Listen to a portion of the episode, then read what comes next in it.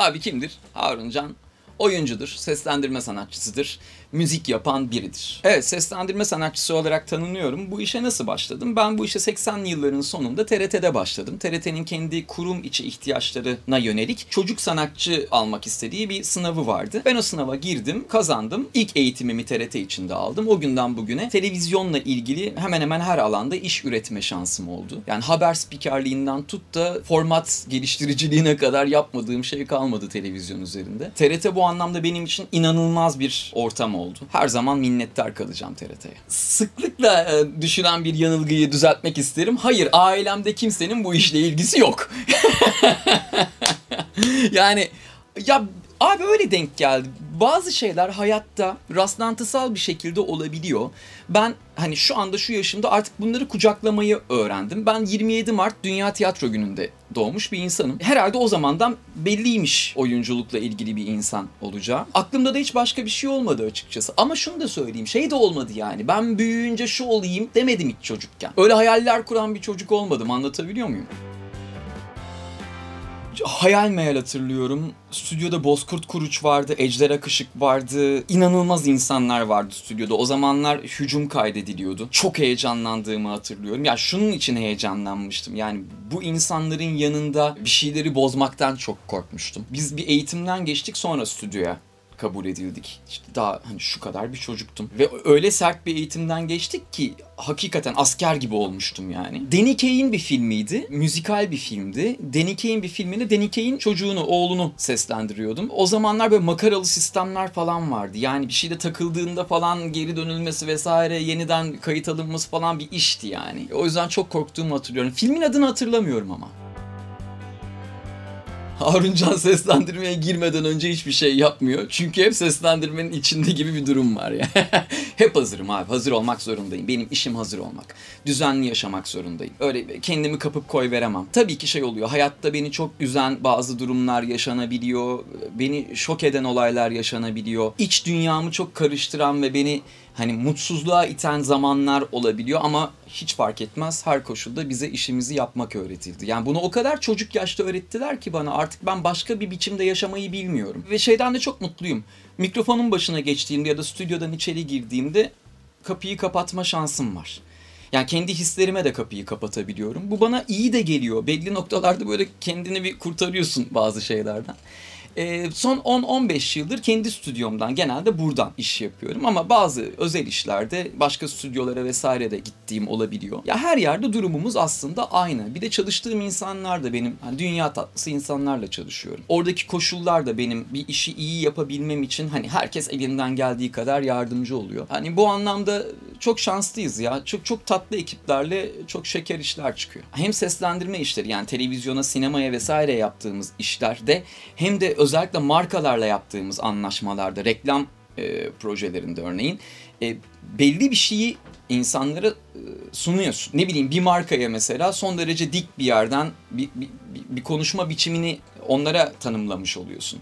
Ve onlar acilen sizden bir iş isteyebiliyorlar. O anda onu yapabilecek durumda olmak gerekiyor. Sağlık olarak da o noktada olmak gerekiyor. O yüzden bu Covid durumları beni çok korkuttu mesela. Ya şeyi de anlamıyorum. Ya çok özür dilerim. Bazen böyle insanların biraz böyle gözlerini kıstığını görüyorum. Ya mesela işte sokakta biri geliyor. E, abi fotoğraf çek çekelim. Benim de çok hoşuma gidiyor. Ha gerçi çok utanıyorum o ayrı. E, ya, çekelim ama şey ya bir yakın durmasak mı acaba? Ya bilemiyorum da biliyor musun? Yani ne koşulda güvendeyim ne koşulda değilim onu da bilemediğim için mesela bir gala vardı. Oradaydım. Bir arkadaş geldi. Bak hala aklımda yani. Fotoğraf çektireceğiz. Tam böyle fotoğrafı çekecekken dönüp bana bir şeyler söylemeye başladı ama şurada. Yani çok yakınımda konuşuyor ve maskesini indirmişti fotoğraf çekmek için. Ben de hani ayıp olmasın diye ben de maskemi indirdim fotoğrafta hani yüzüm görünsün diye. Ve bu sırada o bana bir şeyler söylemeye başlayınca ben panikledim bir an. Hakikaten panikledim ama yani çok gayri ihtiyari bir durumdu. Abi aman yakında konuşmayalım falan dedi. Abi baktım üzüldü. Ya kusura bakma eğer izliyorsan. Vallahi özür dilerim bilerek yapmadım yani. Sonra bin kere özür diledim ama ayıp oldu herhalde. Kolay olduğunu zannediyorlar.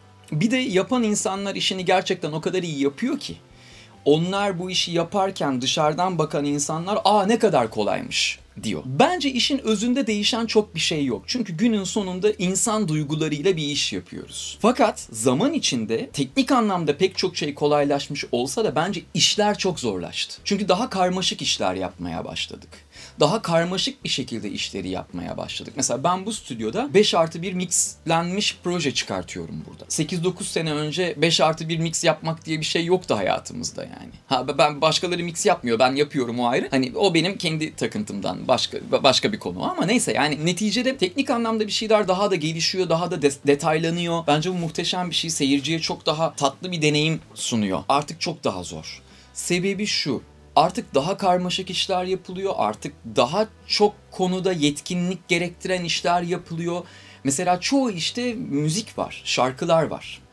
Yani iyi şarkı söylemek de gerekiyor artık. Sadece iyi bir oyuncu olmak yetmiyor bu işi yapmak için. Benim gördüğüm bu en azından. Yani tiyatroya falan bakın orada da öyle bir durum var. Hani çok çok iyi bir oyuncunun bir projede iyi şarkı söylemesi de bekleniyor artık ondan. Çünkü o öyle bir iş. Anlatabiliyor muyum? Dolayısıyla farklı disiplinlerde kendinizi geliştirmeniz gereken bir sürece girildiğini düşünüyorum. E, iyi kötü bir enstrümanı derdini anlatacak kadar çalmak gerekiyor. Müziği duyabilmek gerekiyor. Ritim tutabilmek gerekiyor. Ritim algınızın gelişmiş olması gerekiyor. Çünkü bunlar hep işin bir parçası halinde. Bilmiyorum bence daha kolay değil ama teknik anlamda tabii ki elimizde şu an çok daha fazla imkan var. Yani burada yüzlerce yazılım binlerce pluginle çalışıyorum ve yani tabii ki belli şeyleri çok kolaylaştırıyor. Eskiden yoktu böyle bir şey. Ama günün sonunda insanın kendini daha çok geliştirmesi gerekiyor. Ya çünkü işin özünde insan var. Evet. Ben konservatuvar mezunuyum abi. Yani e, konservatuvardan önce de bir müzik eğitimim var zaten. TRT'de de kulakla ilgili, müzikle ilgili çok fazla eğitim aldık. Konservatuvar okurken hatta ondan birkaç sene önce başlamıştım. Yani biz bireysel olarak müzik yapmaya başlamıştım. Kendi müzik stüdyom falan filan vardı. Yani şarkı yazan, şarkı üreten, şarkı düzenleyen, şarkı söyleyen, sahneye çıkan, konserler veren biriydim zaten. Dolayısıyla hani evet bir oyunculuk eğitimi alıyorken bir yandan da işte şarkı söyleyen birine dönüştüm. Yani bu beraber yürüdü ya zaman içinde çok hani özellikle bir şey yapmadım açıkçası. Hani şunu yaparsam çok iyi olur diye hareket etmedim. İçimden geleni yaptım. Abi gece dörtte de revizyon geliyor. Yani özellikle reklam işlerinde olabiliyor. Çünkü o çok hızlı akan bir iş yani. Orada o iş yürümek durumunda. Ya hiç şikayetçi değilim ne yalan söyleyeyim. Ha tamam şikayetçi olduğum bazı durumlar var. Yani önüne geçilebilecek sorunlardan dolayı yaşanan zorluklardan şikayetçiyim tabii ki yani. yani bunu çözebiliriz. Niye çözmüyoruz? Ya oradaki duygular gerçek. Mış gibi diye bir şey yok abi. Bende yok yani en azından. Ya durumu idare etmek ya da işi kotarmak yok bende. Ben işimi yaşıyorum falan gibi süslü cümleler kurmak istemiyorum. Çünkü hiçbir şeyi çok da süslemeye gerek yok yani. Bugünün sonunda bu bir iştir hocam. Ne bileyim manav elma satıyor, armut satıyor, marul satıyor. Ben sesimi satıyorum, işte yetenek satıyorum, yapabildiğim şeyi satıyorum. Anlatabiliyor muyum? Yani öyle çok işimi yaşıyorum falan. Manav diyor mu abi? Ben elmamı yaşıyorum falan. Böyle şey var mı yani? Yok. Ama şöyle bir durum var. Benim işimde duygular kullanılıyor. Yani benim işimi ayıran şey bu değil. Yani böyle bir algı var, böyle bir fikir var. Bu fikir nereden geliyor hiçbir fikrim yok. Yani sesi güzel olan seslendirme yapabilir, hatta yapmalıdır diye bir şey var. Böyle bir çıl, çıl, bir çılgınlık bu yani. E, hayır, hayır yani öyle olmuyor iş. Çünkü bu işin provası yok ve yaptığınız iş kayıt altında. Daha da fenası o kayıt altındaki şey ömrünüz boyunca arkanızda duruyor. Benim 20 sene önce seslendirdiğim film işte geçen hafta yine tekrar yayınlandı. Ya belli bir standardın üzerinde yapmazsan bugün yine karşına geliyor o iş. Dolayısıyla hani deneyim, yaparken öğreneyim falan yok öyle bir şey. Yok öyle bir şey hocam. Stüdyoya girersin, hiç görmediğin bir filmi, kulaklığına gelen hiç duymadığın bir ses üzerine, eline verilen hiç okumadığın bir metinle tık tık tık tık tık seslendirmen beklenir. Çünkü işin akış hızı bu. Doğru mu? Bilmiyorum. Bence bu işin de provası olmalı, bir ön çalışması olmalı, okuma provaları yapılmalı falan falan. Ama sektör öyle değil. İşin akış biçimi öyle değil. İş böyle değilse biz işe eksik mi yapacağız? Hayır. İşi iyi yapmak için gereken birikimi elde etmek zorundayız. Bu anlamda bence çok sağlam bir oyunculuk eğitimine ihtiyaç var. Dünya artık çok zor bir yer. Bir işi öyle böyle yaptığında mutlu olamıyor insanlar. Ben insanların mutlu olamadığını görmekten yoruldum. Ya sesin güzel yaparsın ya falan yapılıyor ya. Hayır. O yaparsın ya cümlesinin arkasından çıkılan yol o kadar eksik bir yol ki. Sonunda eksiklerle dolu bir geçmiş ve eksik yapılan sayısız iş ve eksik yapılmaya devam edilen başka işler olacak ve o birey mutlu olmuyor. Maddi olarak da mutlu olmuyor zaten.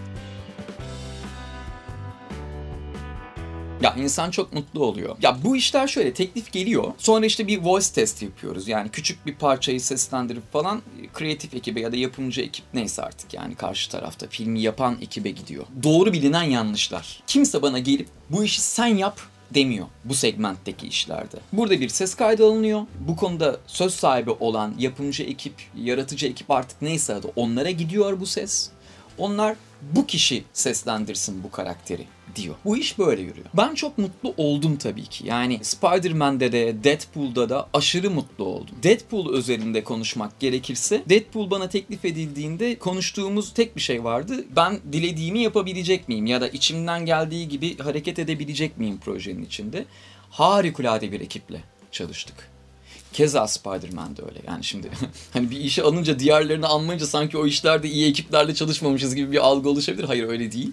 Ya çok şanslıyız diyorum ya. Yani hakikaten işin iyi olması için özveriyle çalışan son derece iyi niyetli ve sanatçıya alan tanıyan insanlarla yan yana geliyorum ben. Şunu çok net söyleyebilirim ekip o kadar kıymetli bir şey ki. Karşınızda olumsuz davranan ya da işi daha iyi yapmak üzere çok da böyle durumu umursamayan biri olduğunda emin olun işin bir tarafı kırılır. Deadpool özelinde o kadar kıymetli, o kadar özel insanlarla bir araya geldik ki hakikaten bu gezegenlerin böyle bir sıraya dizilmesi gibi bir şey yani. Beni en mutlu eden bu aslında. Süreçler çok keyifli.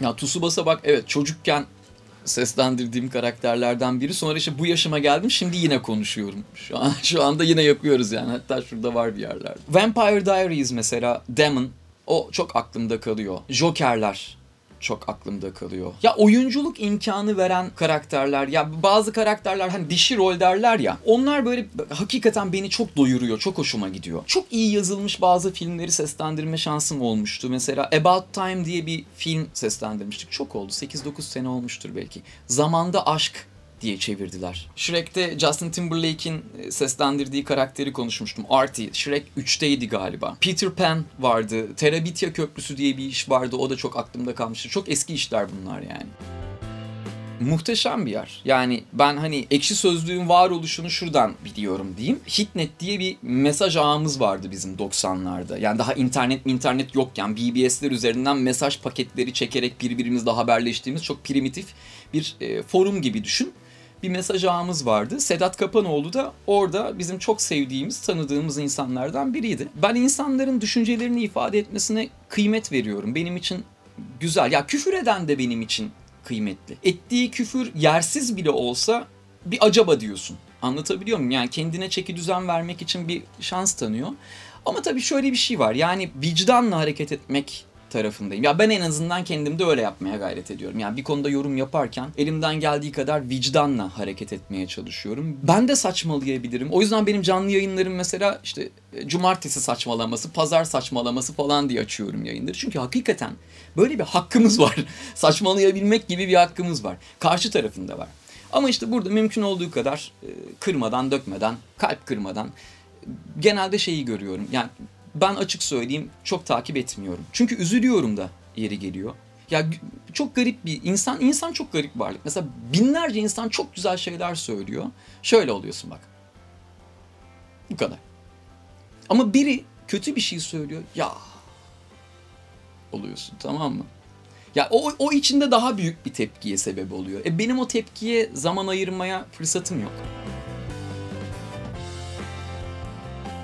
Mesela bunun söylenebilmesi için beni 20 yıl ve üzerinde tanıyor olmaları gerekiyor. Çünkü şu gerekiyor. Yani ben Deadpool'u seslendirmeden önce nasıl bir insandım? Deadpool'u seslendirdikten sonra neye dönüştüm?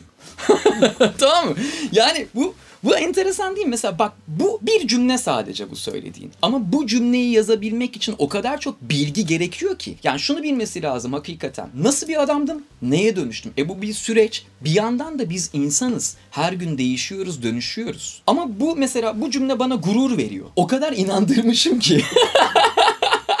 ya benim kendimi o sandığım e, hissine ulaşmış arkadaş. Bir de şöyle bir şey var. Bu arkadaşın yazdığı o şeyin altında e, onu buna yönlendiren bir durum da var. O da şu. Bazı insanların cümlelerine bakıyorum işte oyunculukla ilgili ya da ne bileyim benzer işlerle ilgili diyeyim. Bilmem neyi oynadım sonra etkisinden çıkamadım. Haftalar boyu bilmem ne gibi gezdim falan filan. Hocam bu hiç sağlıklı değil. Açık söyleyeyim benim yapım şudur. Ben işimi yaparım. işim bittiği anda da ben benim ve kendi hayatımı yaşarım.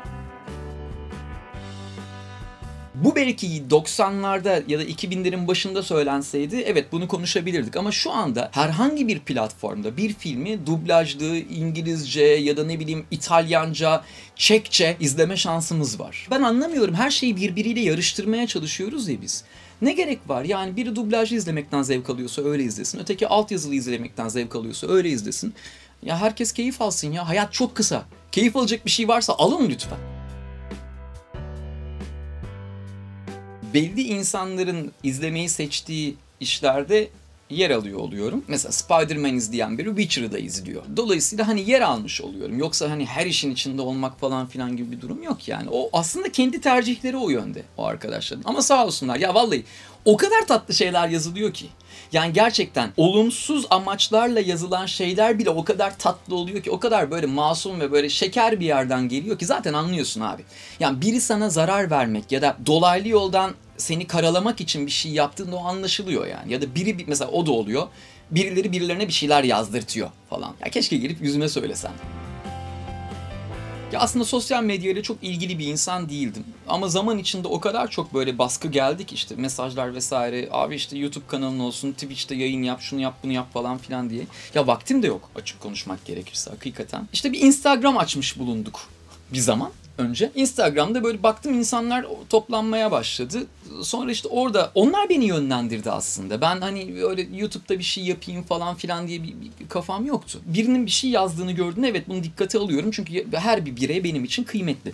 Neyse e, sonra YouTube'a evrildi iş biraz. YouTube'da böyle ufak tefek minik içerikler yapmaya başladık. Sonra orada işte bir anda 500 bin mi ne oldu bir şey oldu işte. İnsanlar ilgi gösterdi. Orada bir şeyler yürümeye başladı. Belli bir rutine binmeye başladı. Sonra pandemi geldi. Özellikle benim yoğun olarak hitap ettiğim kitlenin sosyal ortamını yitirdiğini gördüm. Yani işte evden çıkamıyorlar, okula gidemiyorlar, arkadaşlarıyla bir yerde buluşamıyorlar falan falan ve insanların gittikçe daha mutsuz olduğunu gözlemlemeye başladım ve bu beni çok yordu. Buradan yayın yapma olayına ittik. Yani iyi kötü vaktim de vardı pandemi sırasında. Haftanın iki gecesi falan açık burada. İşte burada kurulu bir sistemim var zaten. Yayın yapmaya başladım. İşte kamerayı açıyorum. Zaten farkındasındır. Yani beni tuşuma bastığın zaman 3,5 saat susmadan konuştuğum için. yayın yapmak çok zor olmadı yani. Ama tabii yayın yapmak bir yandan da çok çıplak bir durum. Yani seni çok zaaflı bir hale getiriyor. Çünkü sen evinin içinde ayakları ayağında terliklerinle konuşuyorsun yani car car car. Karşında da birileri var chatte bir şey yazıyorlar onlara cevap veriyorsun falan. Yani her şey o kadar doğal, dolaysız ve hani plansız ki. Dolayısıyla hani birileri onu alıp böyle kötü niyetle değerlendirebiliyor bir yandan. Bunları da yaşadık. E, çok üzüldüm ona açıkçası. Çok iyi niyetli hareket ediyordum hakikaten yani. Çünkü amacım gerçekten insanları bir biçimde birbiriyle etkileşime sokmak ve onları gülümsetecek bir bir saat yaratabilmekti. Haftada iki defa onları gülümsetecek bir saat yarat yaratmaktı. Sonra o bir saatler üç saat oldu. 6 saat oldu. Bir ekip toplandı. Şu an bir yayın ekibim var işte 10-20 kişi yaklaşık. İşte onlar içerik toplayanlar var falan filan böyle acayip işler büyüdü. Sonra Twitch başladı. Twitch'te böyle gece geç saatlerde yayınlar yapmaya falan başladık. Orada da ciddi bir kitle oluştu. Güzel gitti ve hep böyle bir iyi niyet e, esasıyla gitti. Yani karşımdaki insanlar da bana hep iyi niyetli yaklaştılar. Mesela ben yayın yayında yazılanlara bakıyorum e, kenarda. Bana kötü bir şey, kötü bir söz söyleyen falan hiç olmadı bugüne kadar. Çok tatlı, çok böyle saygılı, güzel bir ilişkimiz var insanlarla. Bu beni çok mutlu ediyor. Bunu bence elde edebilmek çok zor. Twitch'ten sonra YouTube'da da canlı yayınlar var bir yandan. Böyle hep beraber yürüyorlar. Bir de artık YouTube'da ufak tefek içerikler de üretiyoruz. Bu arada bir de Discord kısmı var. Discord da pandemi sırasında ortaya çıktı. İlk yayınları yapmaya başladığım sırada şey diyordum insanlara. Ya nasılsınız? İyi misiniz? Hakikaten yani bunu samimiyetle soruyorum. İyi misiniz? Neye ihtiyacınız var? Neye ihtiyacınız var sorusunu yayınlarda sorduğumda hep böyle ya arkadaşlarımla görüşemiyorum. işte birileriyle konuşmaya ihtiyacım var. Cevabı gelmeye başladı. Bu kadar çok insanla konuşmam mümkün değil. Yani tamam yayını açıyorsun işte o anda anlık 5 bin, 6 bin kişi, 10 bin kişi neyse artık yani. Hani bunlara bir şey anlatıyorsun ama birebir bir konuşma yapmam mümkün değil yani. Buna ne çözüm buluruz dedim. E, Discord sunucusu kurduk. Amaç şuydu, iyi insanlar iyi insanlarla buluşsun ve birlikte vakit geçirsin istedik. Eskiden IRC falan vardı. Bana çok faydalı olmuştur. Orada çok tatlı dostluklar edinmiştim ben 90'ların sonunda falan. Discord öyle bir yer biraz ama orayı daha farklı kurduk. Biz orada bir ekosistem yarattık. Ya benim çok vaktim yok ilgilenmeye ama örneğin sen bir şeyi çok iyi biliyorsan, eğer istiyorsan bunu öğrenmek isteyen başka insanlara bunu öğretmen için imkan tanıyoruz. Mesela diyelim ki sen bir yazılımı çok iyi kullanmayı biliyorsun. Başka insanlara da o yazılımı kullanmayı öğretiyorsun veya diyelim ki Almanca biliyorsun çok iyi. Böyle Discord'da küçük minik tefek seminerler, eğitimler falan filan vermeye başladık. Orası şu an 25 bin kişi falan galiba. Sevgi bağıyla hareket ettiğimiz bir ortam bizim sosyal medyamız. Ve böyle kalmasına özen gösteriyorum. Yani sosyal medyada açık söyleyeyim hiçbir şeyin tasarım değil. Deadpool gibi işlerde işin doğallığı bence her şeyden daha önemli. Yaptığım hemen hemen bütün işlerde böyle bir kaygım var. Yani doğallık ve doğru bir biçimde e, seyirciye geçmesi. Ya bizim çok iyi çevirmenlerimiz var. Yani kesinlikle şunu demek istemem yani. Çevirmenler işini kötü yapıyor falan gibi bir şey demiyorum. Ama neticede o yazı dili. Çeviri eşittir çeviri. E ben daha insanların içindeyim. Yani oyunculukla ilgili, cümle kurmakla ilgili benim farklı bir motorum var kafamın içinde çalışan. Yani dolayısıyla benim daha iyi tercihlerim olabiliyor. Bir de bizim işimizin önemli bir parçası lokalizasyondur. Ne bileyim bizim seslendirdiğimiz işlerde yapılan bir espri o filmin üretildiği toplumda çok iyi çalışıyordur ama bu toplumda hiçbir şey ifade etmez. Olabilir. Bizim kültürel yapımız çok farklı. Dolayısıyla benim görevim bir yandan bu espriyi benim seyircime doğru bir biçimde aktarmak. E burada haliyle doğaçlama devreye giriyor. Şimdi yazanı okumak başka bir şey, bir şeyi gerçekten söylemek başka bir şey. Dolayısıyla ben genellikle çalıştığım filmlerde doğaçlama hareket ederim. Çalıştığım ekipler de bu konuda bana kolaylık sağlıyor. Daha organik bir şey elde ettiğimizi düşünüyorum. Bu kazanç konusuyla ilgili soruları çok tehlikeli buluyorum. Çünkü burada vereceğim cevap bu işi yapan diğer insanlara ilişkin bir projeksiyon sunuyor. Ve bence ben çok kötü bir örneğim bu anlamda. Bu işi yapan insanlar bence bu işe verdikleri emeğin ve özverinin kesinlikle yani karşılığını alabilecek koşullarda çalışmıyorlar. Ama işi yapıyorlar. Neden? Çünkü biz işi çok seviyoruz yani. Ha bu birileri bizim hakkımızı vermiyor falan filan gibi bir cümle kurmuyorum. Öyle bir şey değil. Bu bir kurulumla ilgili bir şey anlatabiliyor muyum? Yani dünya ile ilgili bir şey aslında. Yani hani bu işte böyle başka bir işte farklı mı? Değil. Yani orada da çok var. Sorun ne biliyor musun abi? Bir işte öne çıkan insanlar o işin vitrini oluyor. Ve o vitrine bakan insanlar o işin öyle olduğunu düşünüyor. Ve bu bence çok yanlış bir algı yaratıyor. Ben çok kötü bir örneğim bu anlamda. Şimdi sen bu soruyu kuvvetle muhtemelen şey diye sordun hani ekipman falan filan bu kadar şeyi toplamışsın vesaire. Ee, burada 30 yılın birikimi var. İşime yatırım yapmayı sevdiğim için bu kadar çok ekipman var.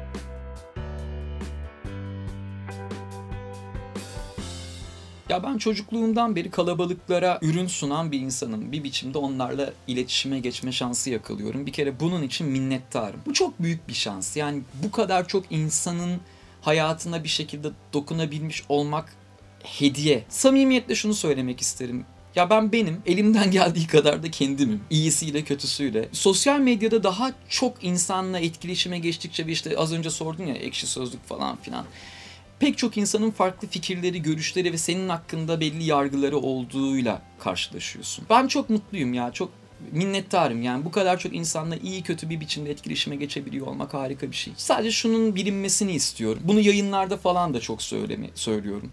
Bazen sıkılıyorlar. Abi değerlisiniz. Her biriniz değerlisiniz. Dünya gittikçe zor bir yer oluyor. Ben mesela hayatta kendi değerimi unuttuğum bir zaman yaşadım. Çok acayip bir yalnızlık o yani. O kadar yalnız oluyorsun ki kendin bile olmuyorsun yanında. Bir biçimde çıkıyorsun o zamandan. Ve şu an gözlemlediğim kadarıyla böyle bir durum var. Belli noktalarda yapayalnız kalıyoruz. Belli noktalarda kendi değerimizi unuttuğumuz anlar yaşıyoruz. Ben sosyal medyada, orada burada işimi iyi yapmaya çabalarken, elimden gelenin en iyisini yapmaya çabalarken tabii ki kendimle ilgili bir derdim var yani. İşi iyi yapmak beni mutlu ediyor. Ama bir yandan da bunu böyle yaparak karşımdaki insana hak ettiği değeri verdiğimi düşünüyorum. Ya da en azından vermeye çabalıyorum. Bu yayınlarda falan filan hep yayınları şey diye kapatırım. Eğer bugün kimse size çok kıymetli olduğunuzu söylemediyse ben söylemiş olayım. Çok kıymetlisiniz diye kapatmayı seviyorum. Vallahi hakikaten bu böyle şey diye değil yani böyle tatlılık olsun, ponçiklik olsun falan filan diye değil ya. Biraz birbirimizi iyi hissettirmeye ihtiyacımız var diye düşünüyorum. Ben böyle bir iş yaptığım için çok mutluyum. Yani insanların sinema salonlarına gidip böyle iki saat hayattan kopup heyecanlanıp, üzülüp, gülüp, eğlenip çıkıyor olması ve bunun bir yerinde durabiliyor olmak, bir parçası olabilmek muhteşem bir şey. Mutlu olun ya, gülümseyin. Kıymetlisiniz. Teşekkür ederim.